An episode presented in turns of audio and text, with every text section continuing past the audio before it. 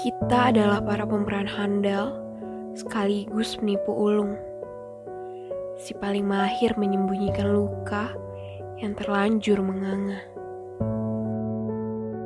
Dengan senyum lebar dan intonasi ceria, kita kerap mengatakan bahwa kita baik-baik saja dan tidak ada yang perlu dikhawatirkan.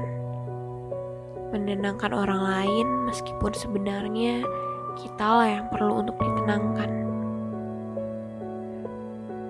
Diam-diam menangis tatkala malam menjelang. Tanpa suara, pun kadang tanpa air mata. Sebab sudah habis ia terkuras dari malam sebelumnya. Keesokan paginya, kembalilah kita memakai topeng bahagia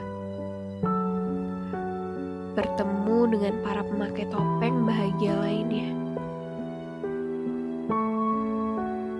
Saling menipu dan berpura-pura tidak kenapa-napa. Seolah berduka dan terluka adalah sebuah dosa yang memalukan.